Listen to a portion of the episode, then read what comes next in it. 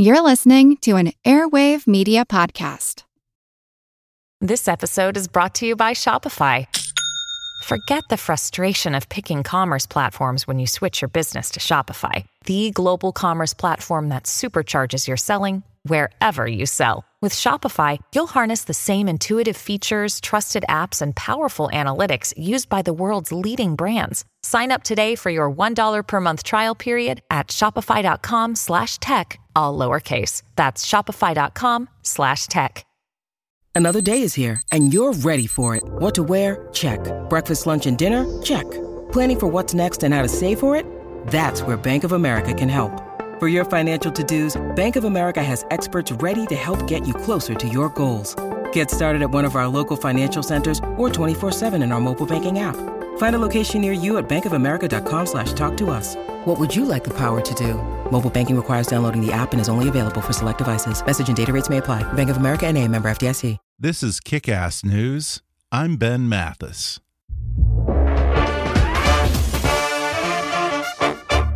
Hi, folks. Ben here with a quick favor to ask. There are some great advertisers who support the show, and in order for them to continue doing that, I need your help.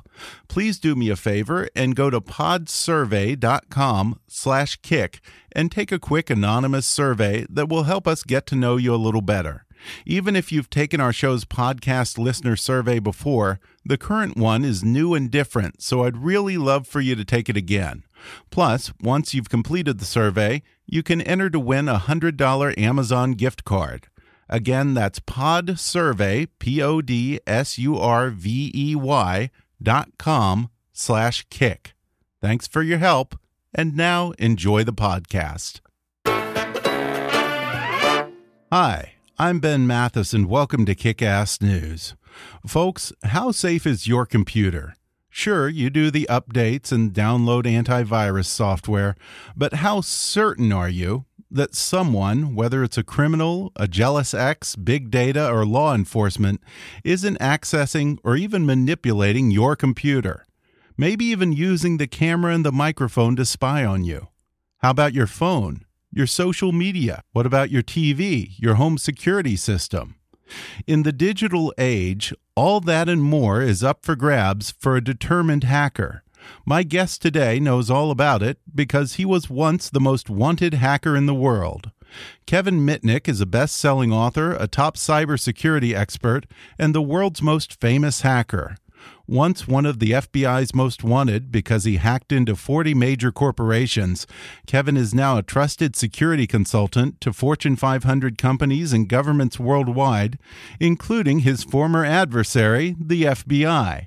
As the CEO of Mitnick Security Consulting, Kevin and his global Ghost team now maintain a 100% successful track record of being able to penetrate the security of any system they're paid to hack into using a combination of technical exploits and social engineering.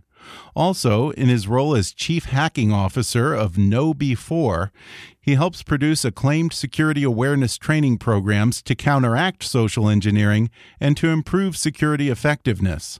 His books include The Art of Intrusion, the real story behind the exploits of hackers, intruders, and deceivers, and The Art of Deception, controlling the human element of security, as well as his autobiography, Ghost in the Wires My Adventures as the World's Most Wanted Hacker. He's written a new book called The Art of Invisibility. The world's most famous hacker teaches you how to be safe in the age of Big Brother and Big Data. And on today's show, he'll reveal just how vulnerable our cars, our homes, and the technology in the palms of our hands are to a security hack. And he'll share some fairly simple steps you can take to protect yourself. He'll discuss what kinds of information companies like Uber and Facebook are gathering from you even when you're not using their apps, how your digital photos show a lot more than you might think, and whether your computer, your phone, and even your television might be listening to everything you say, even when they're not on.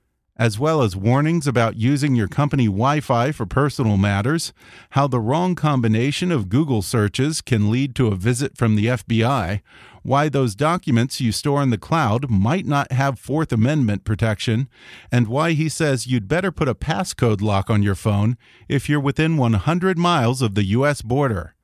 Plus, Kevin Mitnick says the DNC and Clinton campaign hacks were child's play, and that anyone with $200,000 to spend could hack the cell phone of the most powerful man in the world. Coming up with the world's most famous hacker, Kevin Mitnick, in just a moment.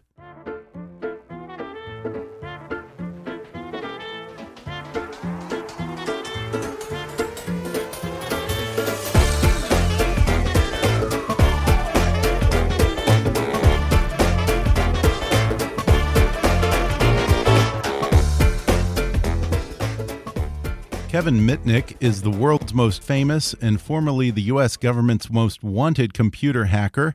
He has hacked into some of the country's most powerful and seemingly impenetrable agencies and companies. And at one point, he was on a three year run from the FBI.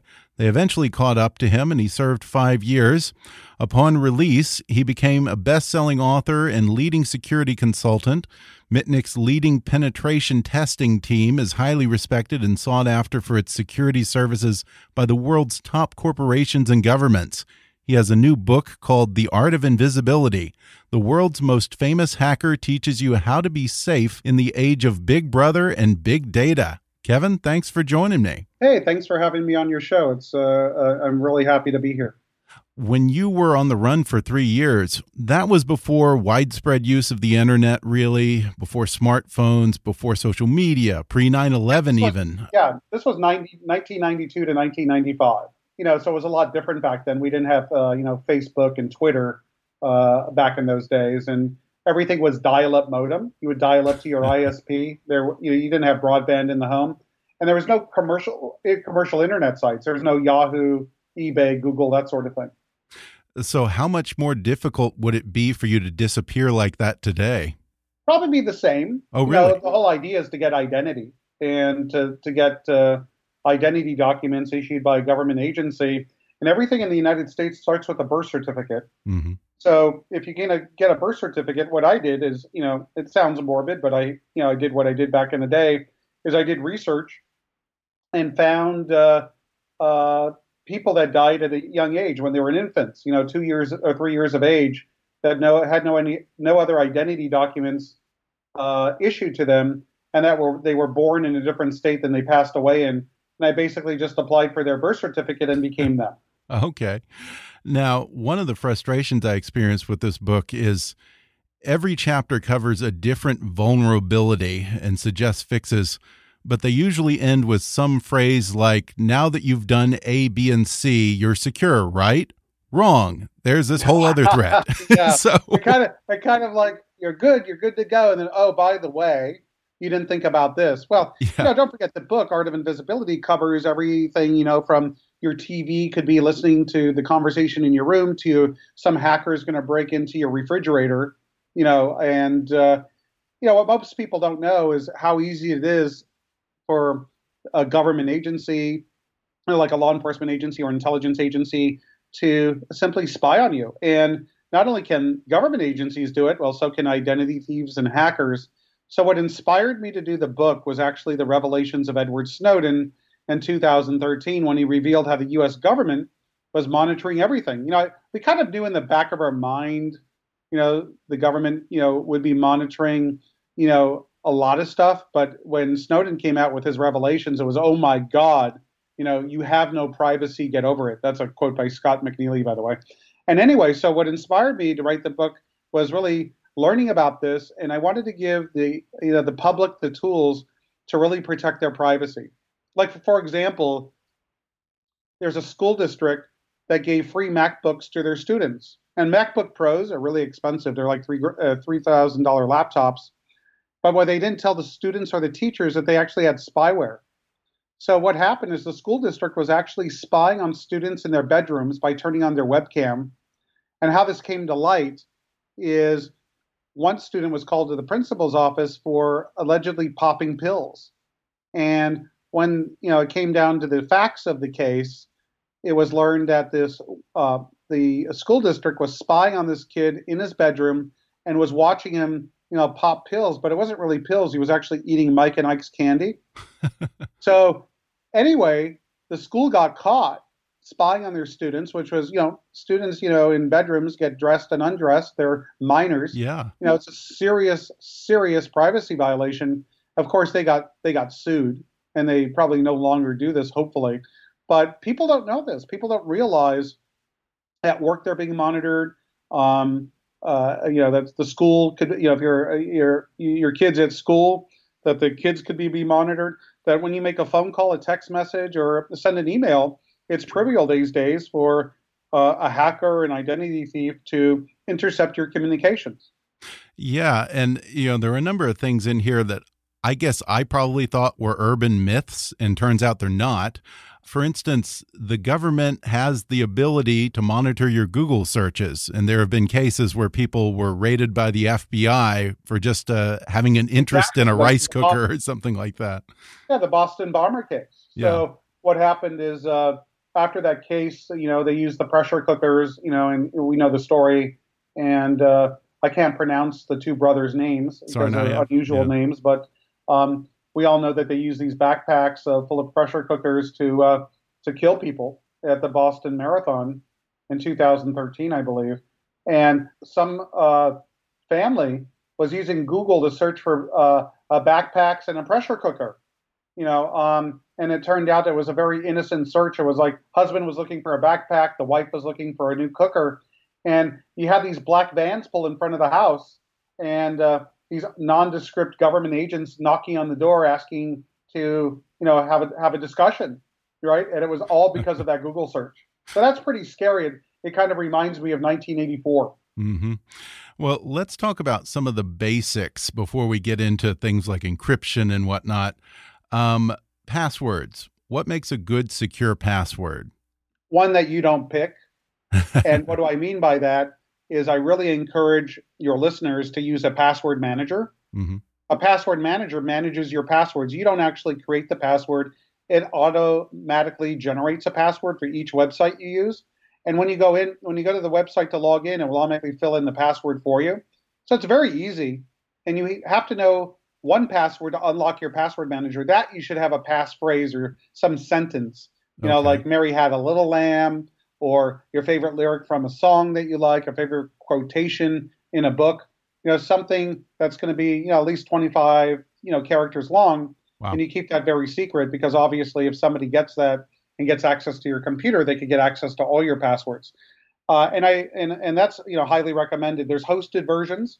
I recommend uh, 1Password as long as you use it in offline mode, and other managers like KeePass or Password Safe, which are free uh, for people to download. So that's definitely one of my number one recommendations because people are very lazy and yeah. they're not creative when it comes to choosing their passwords or their password reset questions. So people okay. also have to think, well, are they putting real, you know, what's your mother's maiden name as your password reset question? Well, I could look up your mother's maiden name in probably about one minute on the internet. Like, were you born in California, Ben? Uh, no. Oh, okay. Well, if you're born in California, for example, there's a site where you could look up anyone's mother's maiden name because birth records are public record. You know, people that really, you know, really need to be aware of this. So if I were to use my mother's maiden name, my childhood dog, my street, my birthday, that's not a good password? No, that's not a good password reset question. Okay. The password should always be set by the password manager. But don't forget what people also do is they create a way to recover a lost password to a password reset mm -hmm. question, which is usually a drop down. Right. What's your dad's middle name? What's your what's your what's your what what's your favorite song? What's the first concert you went to? What's the first make of your car? All this stuff. If somebody really wants to do research on the target, that has the, you know that password reset question, it's really not too hard to figure it out. In fact, Sarah Palin's account was hacked, I believe, a couple of years ago by a college student who were, and I think the question is, where did you meet your husband? And in interviews uh, that were online that Sarah Palin gave, uh, basically she married her high school sweetheart. So you know the kid put in high school, and it worked, and was able to reset Sarah Palin's password and get, get and essentially hijack her account. And I was surprised to see that you recommend that people actually physically write down their password somewhere. Well, and stick it in the safe. Okay. Like, uh, like for example, when you set a recovery key using FileVault 2 on a Mac, um, it, it, it, displays uh, uh, like a, a 25 character password to as a recovery tool, right? So obviously you're not going to memorize it. You shouldn't save it on your computer, you know, because the computer is what you're trying to recover access to. Mm-hmm. So you have to put it somewhere. So, you know, what we recommend in the book is actually writing it down and putting it in the safe. You also say that you should use a tablet computer for all financial transactions, huh? Oh, absolutely. So people spend a hundred bucks a year on antivirus software. You know, nowadays it actually comes bundled with the computer you buy, like if you order one from Dell or HP. Mm-hmm. But if you want to renew it, it's usually about a hundred bucks. So for a couple hundred bucks, you can buy a Chromebook, right? And every time you access your financial sites, your your credit card sites, your bank account sites, um, your your portfolio at Schwab or whatever, you only use the Chromebook for that, right? And you don't store your passwords in your password manager for your bank accounts. You actually, you know, have those in, you know, using maybe a separate password manager that you could use through the Chromebook, and that way, even if your main computer gets compromised, which is really not that uh, rare these days, they're still not going to get access to your bank accounts because you only access that through your Chromebook. And it, it, would be extremely difficult for for a hacker or an identity thief or anyone to access your your banking information if you're only doing it from your Chromebook or your iPad. Okay. Now you keep mentioning the Chromebook. Is that any better than the iPad in terms of security? Not security wise. In fact, I think okay. uh, uh, the iPad is actually better. Okay. Uh, I like their security model much better than Chrome. The only thing with Chrome is you could actually buy a kind of laptop. So it's uh, you know, so you have a you know, real keyboard. Uh, it's it closely resembles a laptop more than an iPad. Okay. And recently, everyone started taping up the camera on their computers after it turned out that the FBI director does it and suggested that everyone do it. Um, well, think think about that uh, student that was eating Mike yeah. and Ike's candy at you know if he had a, a piece of tape over his webcam, you yeah. know, uh, he would have never been called into the principal's office. Yeah. So my question is, we can tape up the camera, but what do we do about the microphone on our computer? Well, you know, you could have you could end up getting malware where um, where the malware actually, if it's a laptop, enables the microphone and streams your audio. So essentially, your laptop becomes a room bug, mm -hmm. right? So yeah. you just go get a headphone jack, an old one, right? You, and you just cut the uh, the plug off. Huh. you know, in other words, you cut down, you cut the uh, the the jack, right, okay. from like an old headphone that yeah. you don't use anymore, and you just plug it in to the uh, audio jack, and yeah. that way. Uh, even if your microphone's enabled, they're not going to hear any audio. But you have to be careful that you don't short the wires. Yeah, so it's that simple. Okay. I want to talk about social media because, in some ways, I feel like social media is the enemy of privacy and invisibility and everything you're talking about in this book. What do you recommend if people want to have social media and have a social media life, but still be safe from predators and spies and whatnot?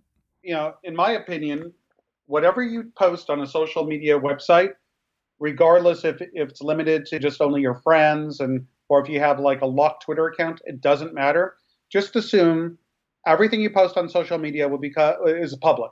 Mm-hmm. And if you make that assumption, you'll always be fine. Yeah. Right. So there, nothing will come back to haunt you. Um, and that's how I treat social media. Is anything I put in Twitter direct message or Twitter or in Facebook, I just assume anybody could read. Yeah.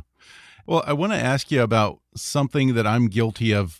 A lot of times when I download a new app, or I register for something, it gives me the choice of having to fill out the whole sign up form or just press a button and sign up through my Facebook account. I'm assuming that you would probably think that's a bad idea. yeah, um, you know, you get that a lot where you could uh, use your social networking accounts to sign up or to sign in as authentication mm -hmm. to other services. Um, uh, it's a very convenient, but uh, personally, I don't like using it because then I'm telling, I'm letting Facebook know I have a relationship with this other website.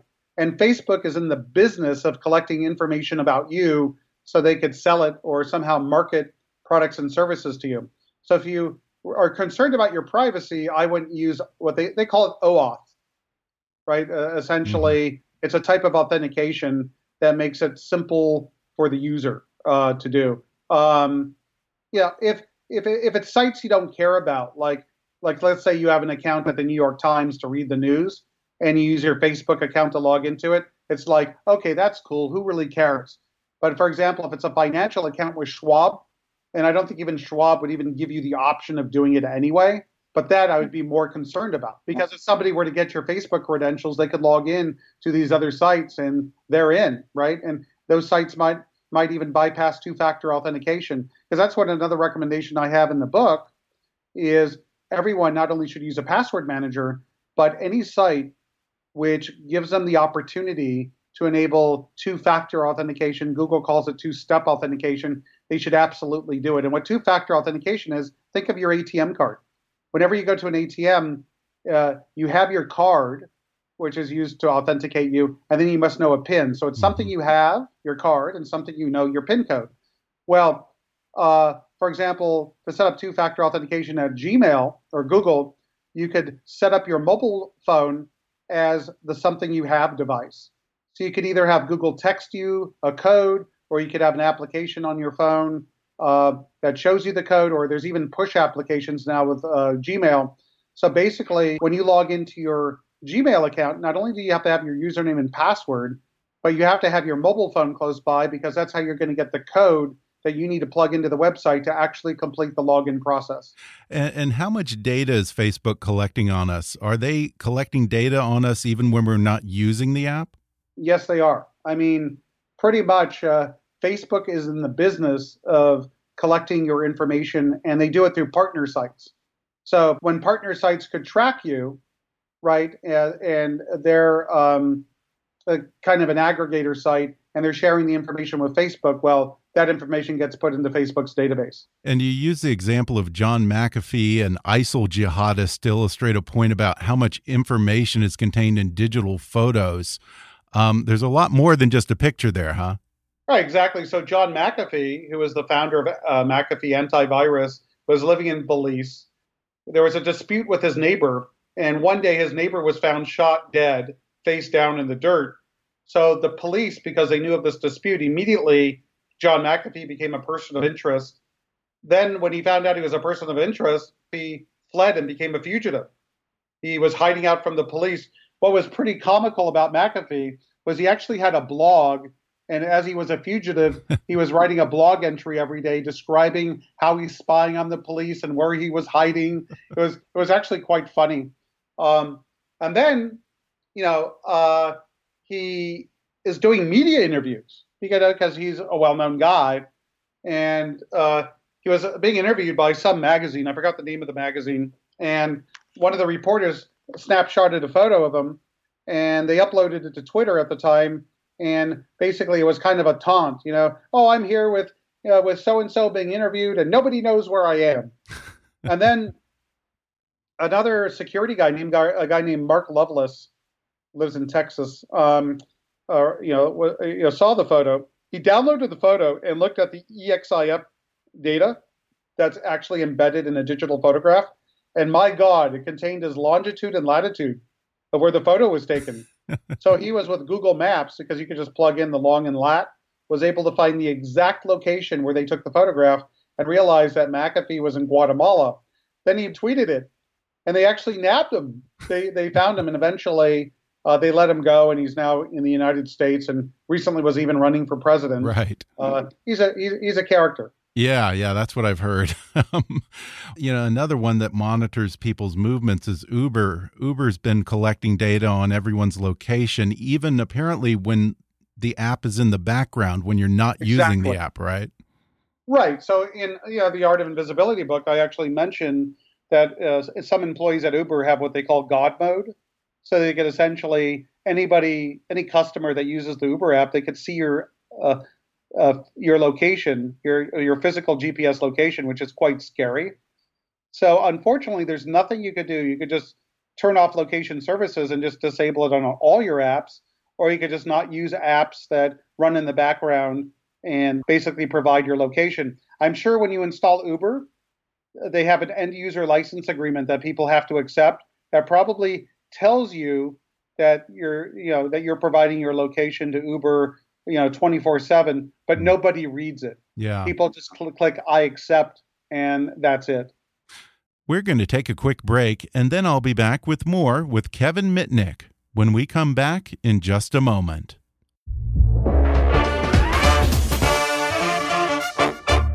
So it's a new year now, and there's no better time to launch an online business or expand your online presence for your existing business, and GoDaddy.com wants to help.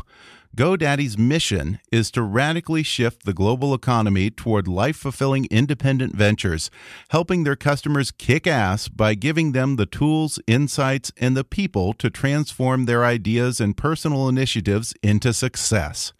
GoDaddy is the world's largest technology provider dedicated to small business and the largest domain registrar with over 62 million domain names under management and big savings over other registrars. Their award winning 24 7 support will help build your online business and give you everything you need to get up and running.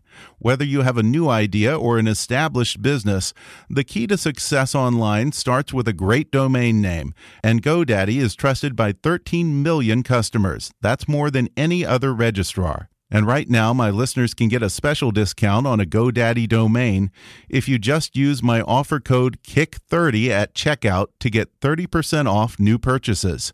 That's GoDaddy.com and offer code KICK30 for 30% off. You don't have to spend a fortune on a domain. Just go to GoDaddy.com and type in the offer code KICK30 at checkout for 30% off and launch your online business today. And now, back to the podcast. In a lot of ways, big data is great. It's beneficial. It gives us access to better services. Um, is it something that we'll just have to accept that we have to either inconvenience ourselves to have more privacy or we'll have to be able to give up some of this privacy in order to get better service? Well, yeah, think about this. If you're not paying for a service, if you're not paying a monthly fee or an annual fee for a service, guess who's the product? Uh. You. You're the product. So yeah. it's a quid pro quo. So basically, instead of paying, you're agreeing to give up your personal information, your personal privacy, in order to use the service. Now, I've talked to some people who would swear that their phone is listening to them, their cell phone. And they'll be supposedly having a conversation in person at lunch or something with a friend talking about, let's say, Ugg boots. And suddenly they go on to Facebook later on and get bombarded with ads for Ugg boots. They would swear that someone's listening to them. Can your smartphone listen in on your in person conversation when you're not using it? It sure can if it has um, malware. Like that's a, like for example, NSO, the company out of Israel that was trying to compromise. Well, uh, uh, I'm sure the government of Dubai was trying to compromise this uh, dissident's uh, cell phone. They could have absolutely turned on the microphone and listened to the audio. In fact, when you turn off your cell phone, uh, the malware it won't really turn off your cell phone. It will actually uh, pretend. It will make your screen black, like nothing's there and nothing works, but your cell phone is really on. Wow. And and any audio or any uh, movements that they could see through the camera is simply passed to the observer, to the spy, so to speak. As far as marketing companies doing this, uh, uh, n- not likely. They're, they don't have they don't have their software on your phone okay. to be able to do that because that would actually have to be malicious software. Yeah, I see. But you do also say that there are televisions that can listen to your conversation, huh? Oh, absolutely. So, like, uh, I forgot the model. Uh, it's a Samsung TV, but I forgot the actual model number. But there are several TVs now that are basically voice activated. So you basically walk into the room, TV on, TV off, you know, turn to channel blah, right, and this sort of thing. So what does that tell you? That there's something in the room that actually is listening to you to take your commands. And these researchers studied this model of Samsung television and realized that your voice commands were being sent over your internet connection to Samsung servers. So it's unknown what they're doing with the data. Could you know? Could they be storing that or selling that? Who knows? But what's the scary thing is that your voice commands were being sent up to Samsung. What is really scary is that you talk about how many of the devices and how many of the appliances in our homes are connected appliances, and increasingly so. Um, with these types of things, is the danger more that hackers can sabotage the device itself or use it against you directly? Or that because that device may be connected to everything else, your calendar, your Amazon account, your email, that the device might provide an easily hackable backdoor into more important things?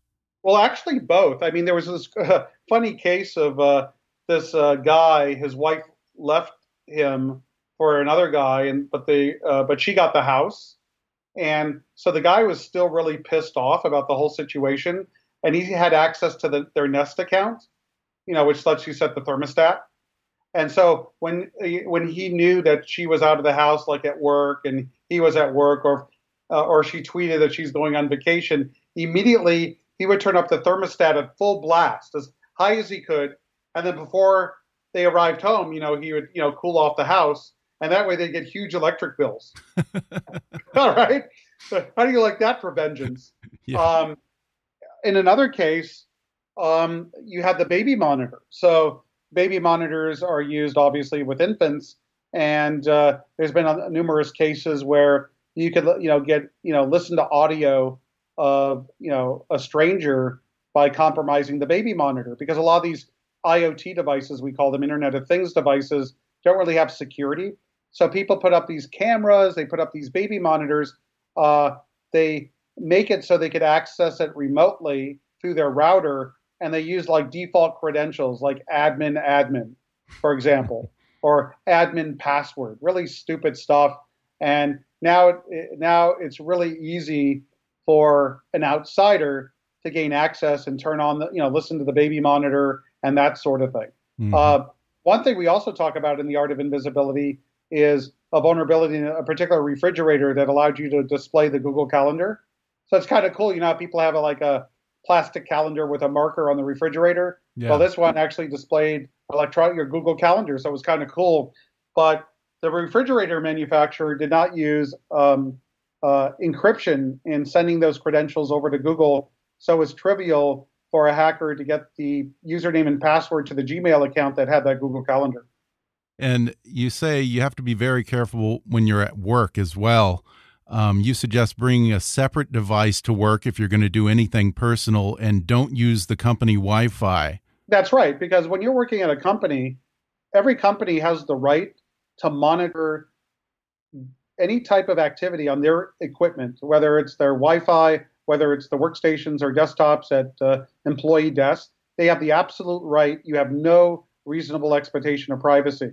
So if you want to do like private, you know, private work. I, am not talking about looking at the you know CNN website to get you know the daily daily news. You know, I'm talking about like maybe doing personal emails and this sort of thing.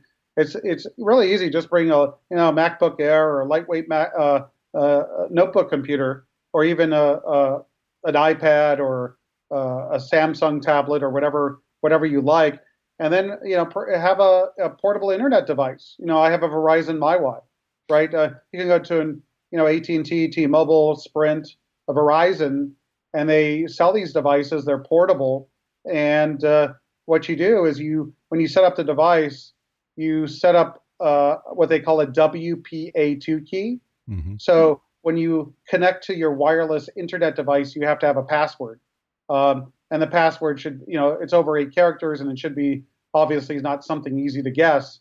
And then you just connect your your laptop or your iPad or whatever to your own wireless device and then use the internet. And that way, your workplace has no right to monitor what you're doing. Absolutely none. And, and that's the way uh, people should communicate if they have any, you know, if they have any uh, concerns about their privacy in the workplace. What can they do if you use their Wi-Fi? Because you also suggest never using public Wi-Fi. Right. Well, what they could do if, if you know, don't forget the company has the Wi-Fi credentials. I mean, mm-hmm. there's different configurations of Wi-Fi, but suffice it to say, if you're using your company Wi-Fi, they could eavesdrop in any internet communications that are, are not using SSL. Wow. What is SSL? That's you like going to you know your bank and it has it's a secure website because it has the, the padlock, right? Mm-hmm. Because what it what that does is during the transport of your communications with that website, it's all encrypted, right? So your your workplace wouldn't be able to uh, see the communications there, but they know you're going to that site. They could tell what site you're going to, but not what the data is. But anything else that's not encrypted, they could actually eavesdrop on everything, whether that's using wow. a messaging service and that sort of thing. So that's why I recommend to protect your privacy and also to comply with the terms of use agreement in, in your employee employer contract. Mm-hmm. It's always best to bring your own equipment. It's pretty cheap these days and pretty light. I was interested to see that 60% of employers monitor their employees' internet use, 45% monitor employees' keystrokes, 43% monitor the contents of employee emails. So, in theory, I guess an employer or an IT department could be getting my email passcodes, my credit card information, logins to Amazon. Well, it all depends. Again, yeah. if you're using SSL okay. to uh, communicate with these sites, then maybe not. But you never know if the company is logging your keystrokes on your computer, then they could get your passwords because you're typing them on your keyboard. Mm, yeah. Right?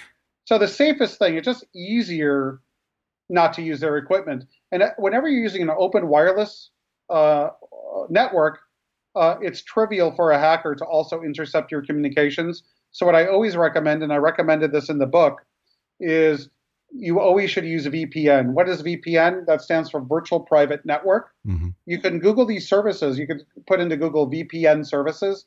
They're about 60 bucks a year, five bucks a, uh, five bucks a month. When you connect to an open wireless network, whether it's at the local coffee shop, the restaurant, the shopping mall, the airport, the airplane, right? The first thing you do is start up your VPN service. And that way, all your communications um, between your device uh, are, is going be, uh, is encrypted between you and your VPN provider. So if somebody is there eavesdropping on the wireless network, they're not going to be able to see your communications. A lot of people use the cloud too. Um, I was interested to read that apparently uh, information stored in the cloud does not have the same Fourth Amendment protections as a document stored in your desk. Huh? Well, I mean, under federal law, there's um, there's doing intercepts in real time. Mm -hmm. So, like, if I want to eavesdrop on your conversation, for example, as a FBI agent, I have to get a Title III warrant, right? Mm-hmm. But when mm-hmm. you're talking about stored communications, like emails, right, or information that is in the store and forward, so it's stored temporarily and then forwarded on to the recipient, uh, law enforcement only has to get, like, for example, a subpoena. They don't even have to get a, a court order. And you're not only talking about law enforcement, what happens if you're getting a divorce?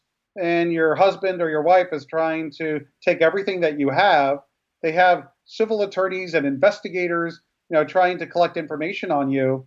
You know, you don't want to be able to give them anything that's subpoenable, right? Mm-hmm. So that is why you want to encrypt your communications. Whether you're sending a text message, whether you're sending an email, having a phone conversation, as long as you know you only protect your privacy when you need it. It's not like you have to use encryption all the time, but you should have the tools available to you to use it when you need it. And I was interested to read that another place where we're very vulnerable is when we're re-entering the country, apparently. And you have actually a personal experience with this. Um, what happened there? Well, it's a crazy story. What ended up happening is I, I had a girlfriend in Colombia at the time, and I always had the security uh, process. Whenever uh, I go back into the country, I would send a, a copy of my hard drive encrypted um, you know, using obviously the best encryption that's available commercially via FedEx to my house, and then I'd fly over back into the United States. And uh, when I landed, uh, the guy at the passport control scans my passport, and I could tell that something was wrong when you could see him reading something. You could see the eyes going back and forth, and I just go to, in my mind's eye, go, "Oh no, this is not good." and then immediately he looks up at me and smiles and says, "Hey, Kev." Some people want to talk to you downstairs, but don't worry, everything will be fine. So, of course, go get my bags. What was interesting, the process was flawed. So when I was able to get the bags, I was able to power off all my computers. you know, which means you know, which means no crypto keys are stored anymore. And then eventually, I went to the desk, and you know, this was like a, a third degree out of CSI. They started um, looking at every device I had with me. And I got done doing a speaking engagement in Bogota, and uh, I had a device which uh, read proximity cards. And the guy thought it was a credit card reader. So he gets on the radio and goes, We found this guy has a credit card reader, you know, all excited. And I was just like, in my in the back of my mind going, This guy's an idiot. right. So eventually one thing led to another, and I was detained. And uh, they wanted to go through all my stuff and to me to unlock all my computers. Uh, the computers that uh, contain my client information, I basically refused to unlock. And uh, they couldn't force me to give up the, uh, the password fortunately, um, I was in Atlanta to speak for the, ASIS conference. So the ICE team called the local FBI, asking them about me, and the FBI vouched that, hey, I, am on their side now, meaning you know I'm doing good things for the community. So basically, after you know several hours of going through this ordeal, they finally let me go. But other people aren't so fortunate. People, yeah. uh, you know, across the border are you know, when a policeman asks for your passcode to your phone, people are compelled to give it up. I would not give it up. You know, if I'm a U.S. citizen traveling back into the country, they cannot say we're not letting you into the country. I live here. I'm right. a U.S. citizen. They can force you, however, a court can force you to use your fingerprints to like unlock your phone if yeah. you have Touch ID enabled. But what they cannot force you to do as of now is force you to reveal your password, right? So one thing I recommend to my readers is whenever you're crossing a border, if you have an iPhone, reboot the iPhone uh, and then go through customs because when you reboot the iPhone and you don't put in the passcode, then the Touch ID doesn't work. So okay. if your phone is taken away from you, even if they have a court order for you to use your fingerprints to try to open it, it won't work. And even without a court order, I was amazed to read that anyone's electronic device can be searched without a warrant or probable cause within 100 miles of the U.S. border. Is that right? Oh, that's right. That's absolutely right. So, you know, it's this is really scary, and not people, not a lot of people know this. Is basically customs and integrations, uh, ICE, uh, immigration customs enforcement at the border, and within 100 miles of the border, could search your person, but also search through your computer and your phones, you have no Fourth Amendment rights because if you're within 100 miles of the border, you're considered that you're at the border. Congress needs to fix this because yeah. my computer contains a lot of personal information. My computer t- contains a lot of my clients' private data. Why should I be forced to be able to, to provide this information to customs agents without any reasonable suspicion I'm doing anything wrong? What they want to do, the government wants to go on fishing uh, fishing expeditions and hopefully find something that they could possibly use against somebody. I think, uh, you know, in my mind, it's unconstitutional. But I'm not an attorney, I'm not a judge, but but what I am is a security expert, and I could advise people how to make it really difficult for the government to get access to your information unless you're compelled to do so by a court. Well, I want to quickly ask you about the Hillary hack. If you were to guess, who would you say was behind those, Russia or someone else? I have no idea. Mm -hmm. But I could tell you that it wouldn't take sophisticated Russian hackers to do what happened in that case. It would take a 12 year old. What happened is John Podesta, Hillary Clinton's campaign manager, received a phishing email purportedly from Google because John Podesta had a Gmail account. And in the content of the message, it basically said, the account has been uh, accessed from an unknown IP address and that they suggest he go in and change his password. And it provided a hyperlink to do so.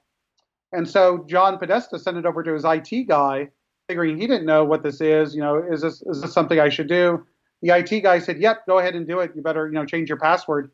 And then when they clicked on the link, when when John Podesta clicked on the link and went through the process, he didn't realize that wasn't sent by Google. That was sent by you know, potentially the Russians or whomever did it.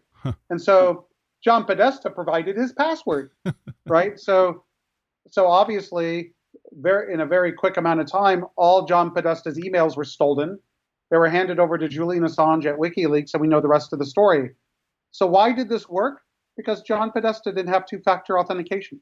Huh. If he had two-factor authentication on his account, it would have been much harder to get access to his email. Wow. So he could have done. It's too bad he didn't read my book before that happened. Well, before we go, uh, Donald Trump, against the insistence of his staff and the Secret Service, has decided to keep his cell phone and he sits up at night tweeting. How vulnerable do you think that cell phone could be? Well, I'll tell you, people always ask me how secure is their mobile phone. So if you have an Apple, an iOS device, you're only secure against an adversary with less than $1.5 million. Why is that? because for $1.5 million or more, you could buy a zero day exploit basically a tool that allows you to compromise the device and get access to it. With an Android device, it's not $1.5 million, it's only $200,000. Hmm. So for $200,000, you could potentially compromise Donald Trump's Android phone.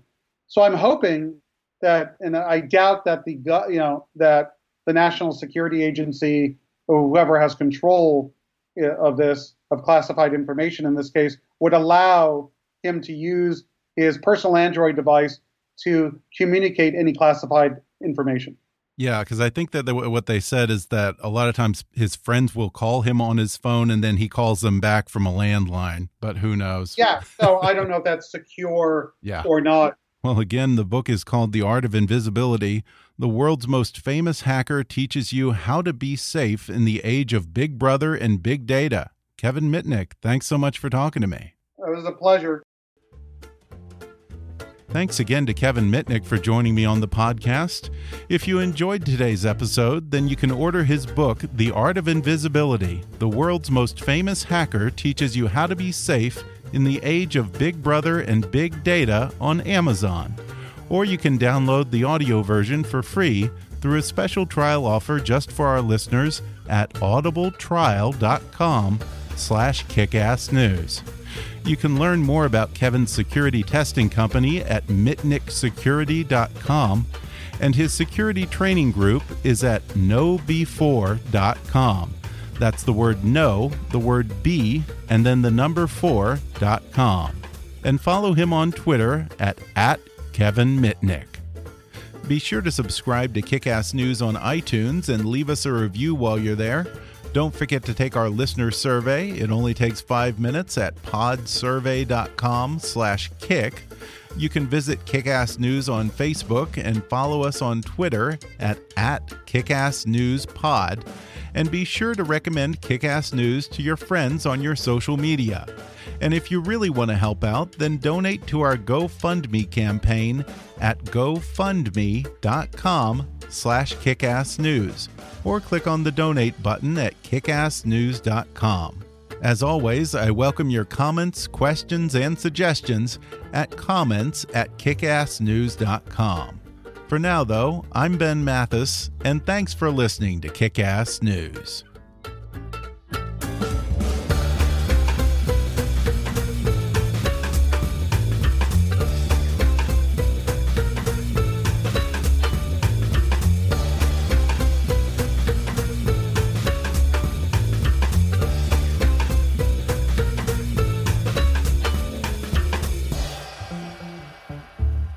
Ass News is a trademark of Mathis Entertainment, Inc.